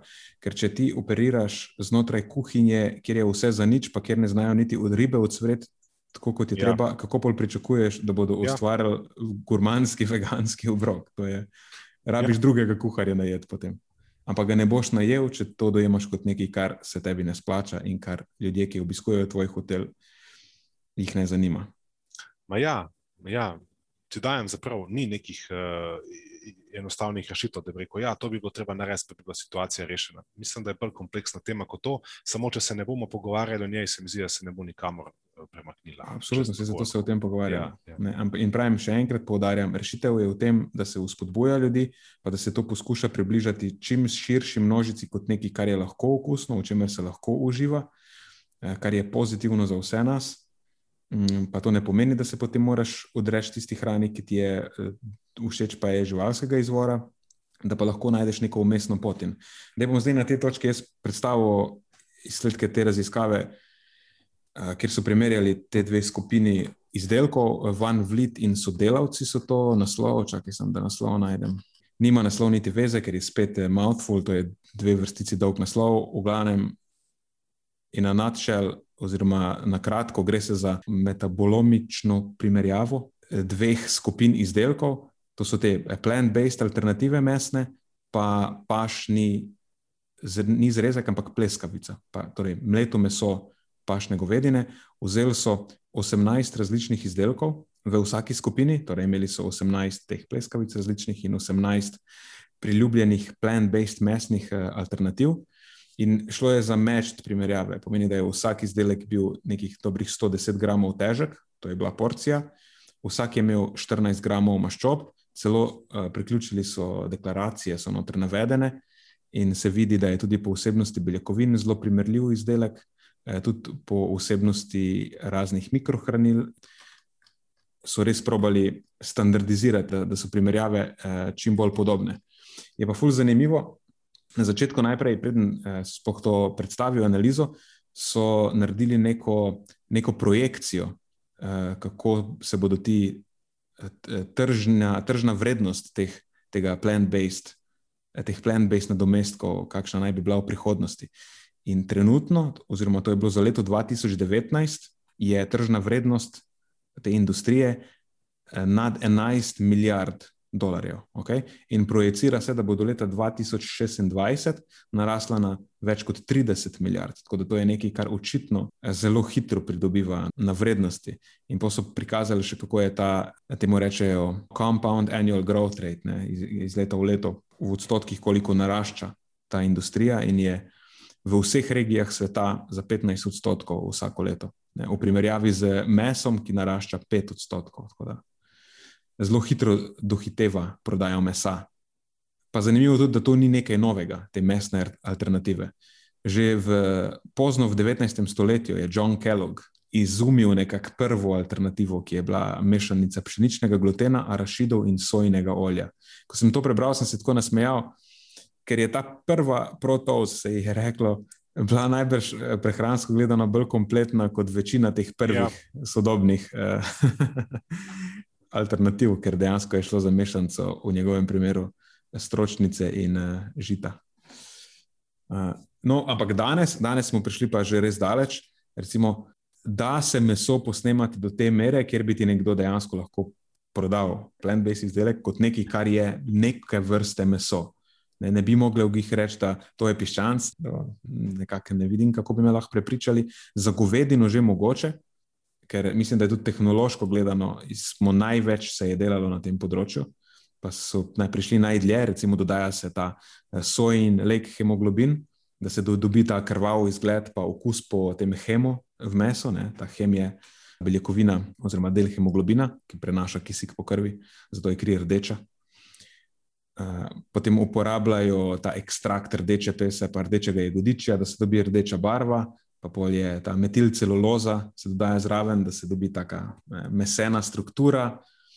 Potem pa tudi beljakovine se dodajo grahove, riževe, sojine, pšenične. Matjaš je prej omenjal mikoproteine, to so gobe, proteini iz gobne, ki so precej podobni živalskim, po, oziroma bolj so podobni živalskim kot rastlinskim, ker so gobe, by the way, niso rastline, če kdo ni vedel. Um, in pa tudi dodajajo se neka fortificirana hranila, ker vemo, recimo, ni vitamina B12 v rastlinski hrani, pa se doda B12, doda se cink. In pa zanimivo, tudi tehnološka aplikacija je železo, se dodaja, ker železo ima okus. In so ugotovili, da ko ga dajo, dodajo pleskavici, da ima bel okus po mesu. To mi je bilo fascinantno. Tako da na koncu dobimo izdelek, ki je po označbi s prehranskimi vrednostmi zelo podoben. Ampak je pa potem dejstvo, da je hrana tudi vir določenih snovi, ki vplivajo na naše zdravje in počutje, pa niso navedene na označbi. Razne vem, bioaktivne snovi, kot neki fenoli, antioksidanti, eh, te bioaktivni amini. Dobro, pa imaš maščobne kisline, ki so sicer makrohranila, ampak tudi nimaš jih posebej razparceliranih na označbi. In no, Van Vliet in sodelavci so potem poskušali ugotoviti, kakšne so razlike v teh eh, drugih snoveh pa kakšne bi lahko bile potencijalne implikacije za naše zdravje ali kakovost naše prehrane na splošno. In zanimivo so ugotovili, da so se vzorci zelo, zelo raziskovali. Tako 90 odstotkov metabolitov so bile statistično značilne razlike, v nekaterih zelo velike razlike, nekaterih metabolitov pa sploh ni bilo v raznih izdelkih. Recimo, imaš 22 metabolitov ki so bili samo v mesu, izključno, pa 31 jih je bilo spet drugih, izključno v rastlinskih živilih. Eh, potem imaš pa v mesu, je bilo 51 eh, metabolitov v višjih koncentracijah, mnogo višjih, pa v plant-based 67 v mnogo višjih koncentracijah. Tako da dejansko sta se vzorca med sabo razlikovala v 171 od 190 metabolitih. Pomeni, da imaš dve popolnoma drugačni skupini živil, prehransko gledano, zelo, zelo, dva, zelo, zelo različna izdelka, kljub temu, da en proba biti alternativa drugemu. In kljub temu, da sta po sami označbi, kjer so navedena makrohranila, pa nekatera esencialna eh, mikrohranila, praktično identični izdelki. Eh, zdaj, kje pa so bile razlike? Recimo, meso vsebuje eh, omega-3 maščobne kisline, vitamina B3, B, več je vir glukozamina, hidroksiprolina, pač po domače, to je eh, eden izmed gradnikov kolagena, tega rastline recimo nimajo. Pol imaš pa še razne antioksidante, marsikdo ne ve, da je meso tudi vir antioksidantov, um, oziroma nekih drugih, eh, kot, kot so bioaktivni amini, ki pa tudi imajo antioksidativni učinek, spermin recimo. V glavnem imaš pa tudi eh, skvalen, ki je intermediat v tvorbi holesterola, pa polje cisteamin, pa anserin, pa alantoin, pa še neki drugi s čudnimi imeni. E, pol imaš pa tudi na plant-based strani dejansko tukaj zdaj imaš pleskavico, ki je lahko vir vitamina C, ne, meso recimo ni, imaš vitamin E oziroma alfa-tokoferol, ki ga je bistveno več, uh, ko imaš te kak, e, ne vem, soja, grah, take stvari. E, imaš fitosterole, ki spet vplivajo na tvoj holesterol, ga znižujejo. Um, pa razne fenolne antioksidante, ki so vem, luganin, sulfurol, um, kaj je ta vanilinska kislina, ki je še tudi znana, pa še kupenih drugih. Tako da na koncu, če potegneš črto, imaš velike razlike v številnih razredih bioaktivnih snovi. Imáš dve skupini živil, ki sta zelo drugačni med sabo, vsaka ima neke prednosti. Ne, tukaj vidimo, da je šlo dejansko za dva izdelka, ki sta prehransko gledano zelo ugodna, sta dober vir beljakovin, nista zelo energijsko bogata. Ena pleskavica je imela nekih dobrih 200 kalorij, pa 20 gramov beljakovin. Se mi zdi, da za pleskavico zelo spodobne eh, hranilne vrednosti. Eh, sta pa vsaka svoj vir, eh, pravim, teh nekih bioaktivnih snovi. In če gledaš, kako optimizirati svojo prehrano, če bi lahko pol pol vključil malo enega, malo drugega, da recimo del mesa izrinejo mesne alternative, jaz sem z veliko gotovostjo si upam trditi, da bi to izboljšalo kakovost prehrane večine ljudi. To bi verjetno enako ta stavek, zelo lepo si nam bo vse skupaj predstavil. Ta zadnji stavek mi je bil še posebej všeč. Enako bi lahko rekli, tudi če bi nek posameznik uh, na mesto, da ne vem, štirikrat, petkrat na teden natepava neke salame, pa take stvari, pri zajtrkih, pa pri večerjah, ker ne ve, kaj drugega pametnega pojesti, da bi našel nek način, kako lahko nek uh, tofu zakamuflira v nek sendvič, kar se ga zelo enostavno da, ker je tak ne, blagega okusa. Meni osebno je pa tempeh še posebej všeč, ker ima ta gobast okus, to reškast okus in gre zlahka v neko pašto, neko, neko rižotico, tudi v nek sendvič se ga da. Ne, da, da bi ne dodal enkrat, dvakrat na teden to noter, bi lahko prehransko gledano, isto se mi zdi, optimiziral ne, um, svojo prehrano. Uh, da pa ne govorimo o tem, da potem vključiš še takšne izbire, kot si jih ti zdaj predstavlja. Pač to je pa next level tehnologija, uh, ko lahko izkoristiš vse to, da dela v tvojo, v tvojo tebi uprit. Ja. Je pa mogoče tega res trenutno pri nas manj na, na razpolago. Jaz, mogoče Matjaž ve, pa ti, mogoče res, če to bolj spremljaš, nisem videl še uh, pri nas uh, nekaj res rastlinskega nadomestka mesa, ki bi bil optimiziran vsaj približno dobro ampak upam, da bo to nekaj, kar se bo v prihodnosti um, še razvijalo in bo prišlo tudi k nam, pa ne za to desetletno zamudo, o kateri govori Matjaž, v primerjavi s Stojino. Ja, na tej točki mene skrbi samo to, da so te stvari precej drage. Ne. Za enkrat jaz bi tega kupoval bistveno več, ampak se mi ne zdi smiselno. Uh, mislim, ni tako dobro spet po okusu, da bi bil pripravljen plačati po 20, celo 30 evrov na kilogram. To se mi zdi samo razmetavanje denarja. In to je recimo zelo dobro, kar si ti zdaj povedal. Ne? Istočnica za nekaj, kar mene skozi tako razburi, ko slišim kakšnega vegana govoriti, meditantnega, seveda. Ja, pravijo, da je veganstvo ful draga hrana, ampak v bistvu sploh ni. Poglej moj zajtrk ali pa moje kosilo, le tukaj imam pet razin narezane kumare, pa mal paradajza. Mislim, a me zafrkavaš, no, zdaj le to. Veš, to stane par centov, lej, ne, ali pa tukaj imaš konzervo fižola, tukaj je vse, kar rabiš. A me zafrkavaš. Ne moreš zdaj, a veš, stran zdaj nek kos mesa, recimo, ki je vir cinka, pa vir vitamina B12, pa vir beljakovin, pa vir železa. Dajmo to vse stran in dajmo to, kar stane 5 evrov na kilo ali pa 10 evrov na kilo, zamenjati za nečim, kar stane vem, 2 evra na kilo, ampak je vir tako vode a veš, pa mogoče malo vlaknin. Pa, ne, pač dajmo primerjati primerljivo. No? Ne moreš zdaj pač narediti primer, da je veganska prehrana lahko ful pocen, pa pa tam spacaš skup mazelenjave, par kosov sadja, pa en, en, en fižol, pa rečeš temu, da je to hranilno enakovredno, kot pa rekel si prej en dober steak, mogoče nek, veš, neka priloga. Ali pa neka riba, pa neka priloga zelenjavna. Pa, ne. ne moreš primerjati teh stvari. Ne. Um, in samo s tem lahko primerjaš, kaj si zdaj predstavljal. Aha, evo, tukaj pa si zdaj optimiziral vse dejavnike. Imáš ne rastlinski vir um, um, ne, mesa pod navednicami, ne, ki vsebuje vse ostalo, kar pač ne manjka. Ostalim primerljivim virom, in zdaj pa se lahko pogovarjamo o tem, da menjaš A za ne, primerno alternativo, ampak za dvakrat, trikrat višjo ceno. Ne. Tukaj se pa za veliko, velika večina tukaj potem položi svoje, ne, svoje meče in um, orožje na tla, ker si pač to ne more, tega ne more privoščiti. Se podobna zgodba je s tistimi, recimo, bio in eko alternativami. Mm. Ja, smo se pomitva glih zadnji spraševali, zakaj so te stvari tako drage, ne? ker sem jaz povedal, da so uh, večina sestavin v teh uh, izdelkih zelo poceni, dejansko. Grafove ja, beljakovine so poceni. To je fajn, da olja so poceni. Kako je, je to, pa, misliš?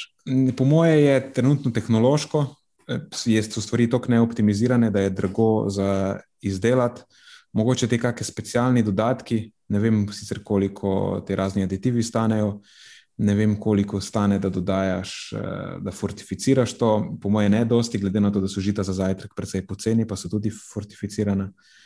Nimam pojma, to bi bilo vprašanje za nekoga, ki se s tem ukvarja. Uh, Povpraševanje, po moje, ja, povpraševanje je pač po moje tako, ni za dost veliko. Uh, je sicer nekaj tega povpraševanja, pa vidijo, da povpraševanje narašča, tako da demand je velik, supply je majhen. Ne, pač splača se imeti visoke cene, vedno je imeti fajn, veliko maržo. Tud, a, sicer pa tudi najbrž je proizvodnja za enkrat precej draga, tako da ne vem.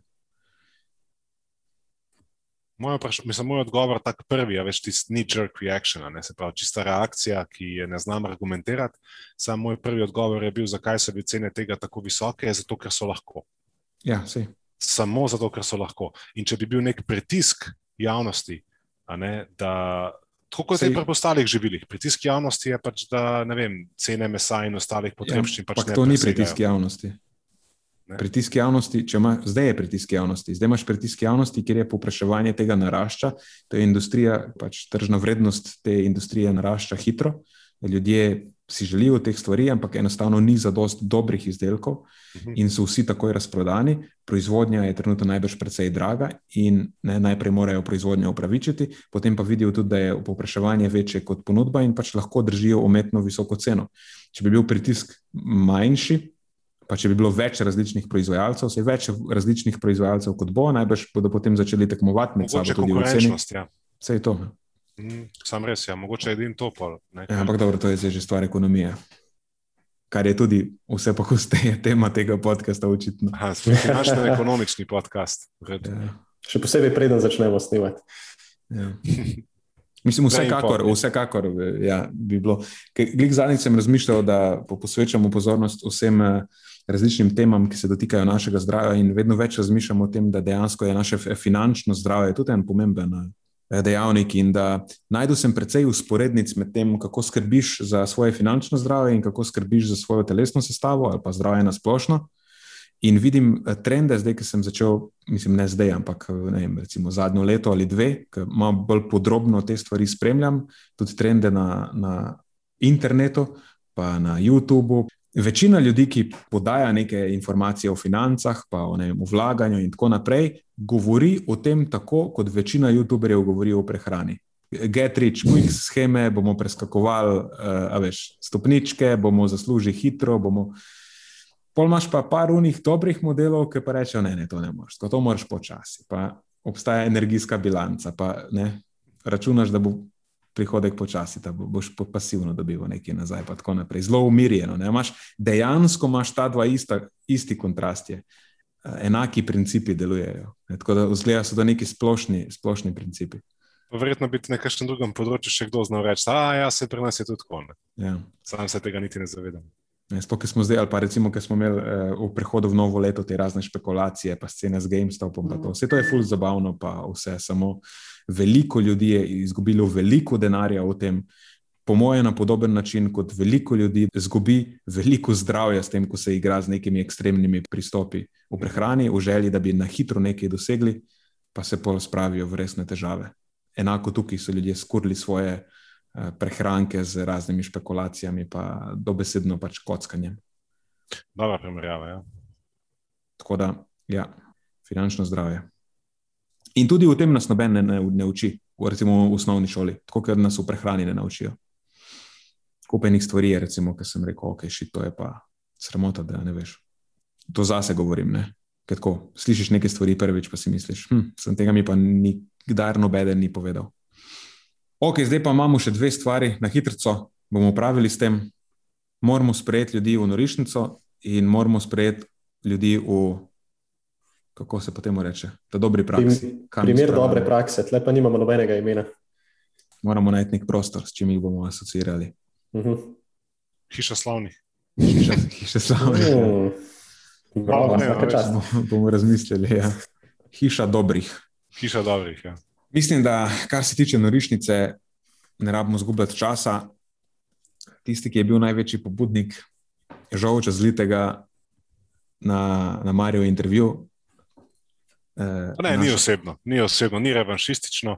Ne, ne, se, ne, ne ni, ni, ni revanšistično. Bom jaz bom podal argumente, že dolgo jo imam nagledano, ampak uh, potem, ko se je prijavila pod, te, uh, pod ta tvoj intervju, sem šel malo poskrolati skozi njen profil in je, to sem ni v redu.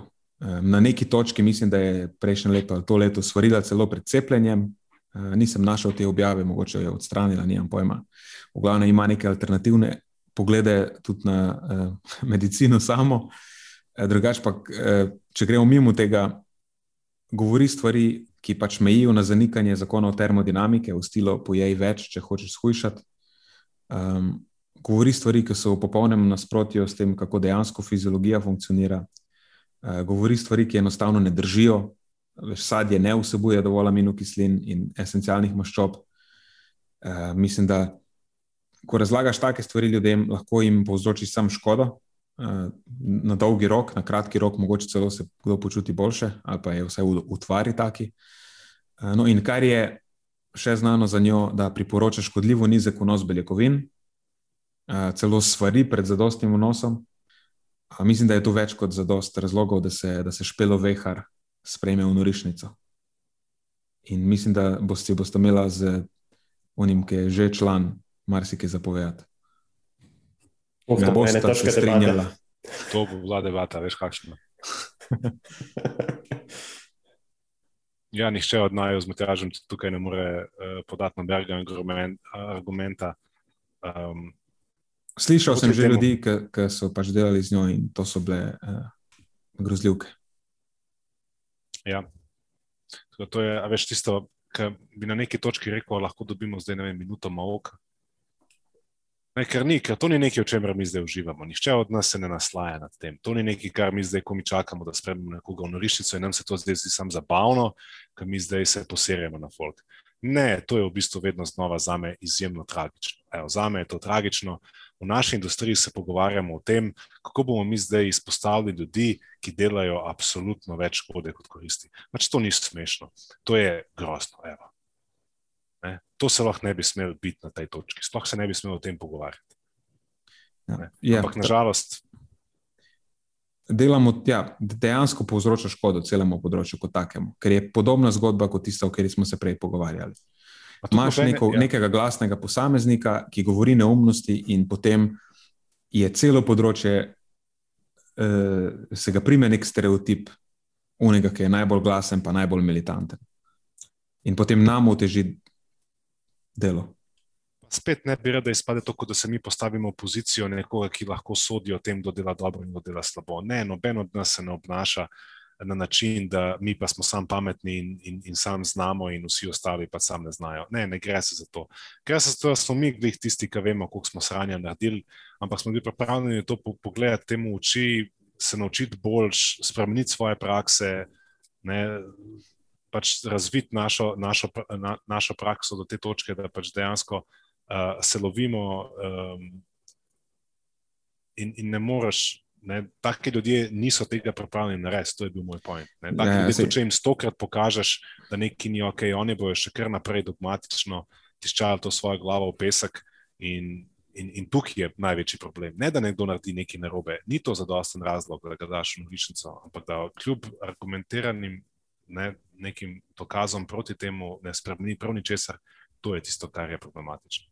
Ja, noben ne pride v norišnico zato, ker je naredil napako, ampak pride v norišnico zato, ker dosledno leta dela napake in kljub temu, da je, uh, mislim, da Matjaš ni še imel izmenjave z njo, ampak oba dva, mi dva smo imeli, jaz sem imel zelo kulturno izmenjavo uh, z njo, uh, ampak enostavno, kada se pogovarjaš z zidom, to je neverjetno.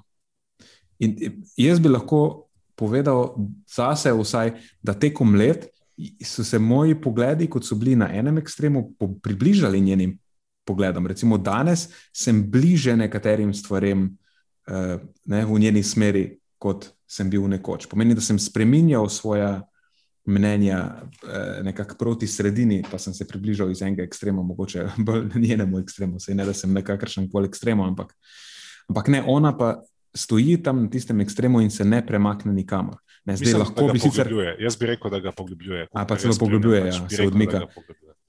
Ampak eh, zdaj lahko bi ona rekla, da ja, sej, počakaj še pet let, pa boš tukaj, varianta, ne, sam ne verjamem. no. ja, ne, ne veš kaj, ne moreš, ker sam si izpostavil, neke stvari so tako uh, skrižene z, z nekimi osnovnimi dejstvi ne, v sami fiziologiji in pač razumevanju, kako naše telo deluje da temu se nikoli ne moreš približati. Ne? To je tako, da bi se poskušal približati teoriji, da je Zemlja ravna. Pač temu se zelo verjetno nikoli ne bomo približali, nikoli ne bo to postalo bolj sprejeto dejstvo. nikoli. Ja. Uh, in, in tukaj imamo s tem opravka. No, ampak prej, ko sem povedal, da sem se približal njeni, njeni poziciji, je pač čisto, da uh, razumem, bolj, ja. Ja, razumem bolj, kako pomembno je, da je pač večina tvojega energijskega vnosa iz živil rastlinskega in svora. Tako pa, da imamo pojesti manj mesa. Ne. To ni bila neka pozicija, ki bi jo v preteklosti zagovarjal, ampak um, ko sem videl boljše dokaze, sem potem spremenil mnenje skladno s tem. Ne, dočim, pri nekom, ki je sprejet v norišnico, kdorkoli, kadarkoli bo. Je to je kriterij. Je nekdo, ki absolutno zavrača kakršne koli dokaze. Je, mislim, da to je glavni kriterij. Uh mhm. -huh. in, in se ni pripravljen uh, pogovarjati, uh, ni pripravljen sodelovati v dobri veri v neki debati, to je glaven kriterij. Ne to, da se zmotiš ali pa Tako. da imaš neko stališče, ki se ne sklada z našim ali karkoli. Ampak samo to, da nisi pripravljen priti eh, na debato v dobri veri, nisi pripravljen poslušati dokazom in tako naprej. Dobro, za dost negativizma.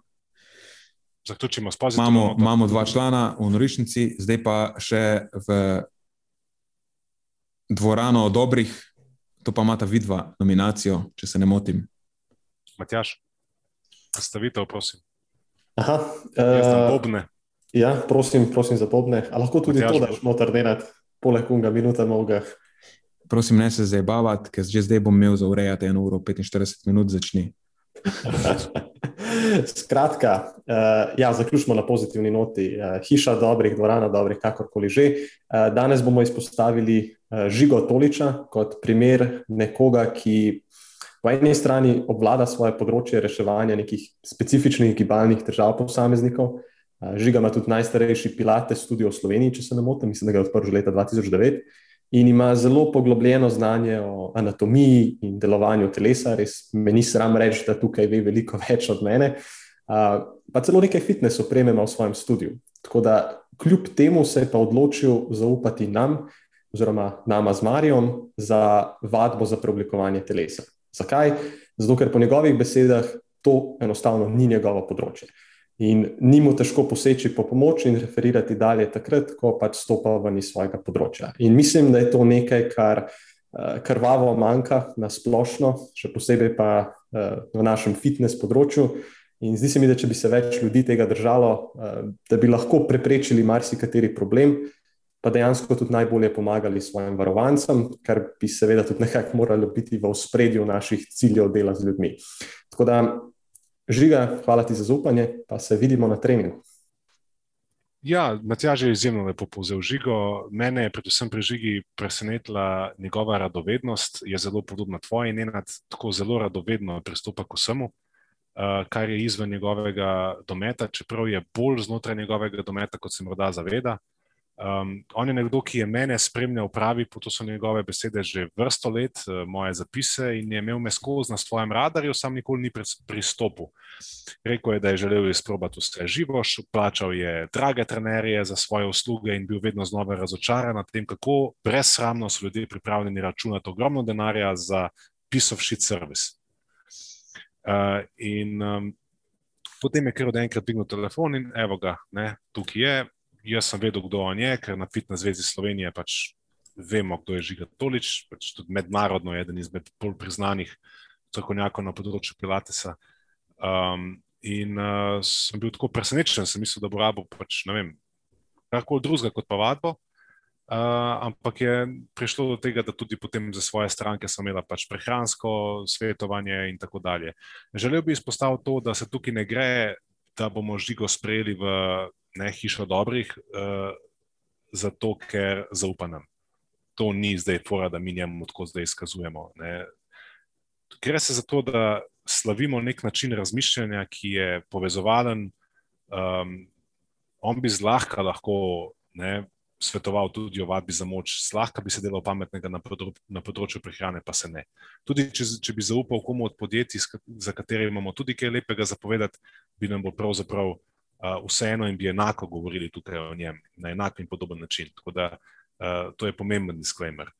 Uh, tako da samo vedno znova mi je osvežujoče, ko vidim, da nek posameznik v naši industriji res goji prave vrednote in uh, zna stopiti skupaj in ne, pokriti tiste luknje v svojem znanju, kjer on mogoče ni najbolj doma in da spoštuje to neko mero intelektualne obzirnosti, da se poveže s tistimi, ki so na drugih področjih mogoče malo bolj uh, praktični, recimo, ali pa bolj um, uspešni.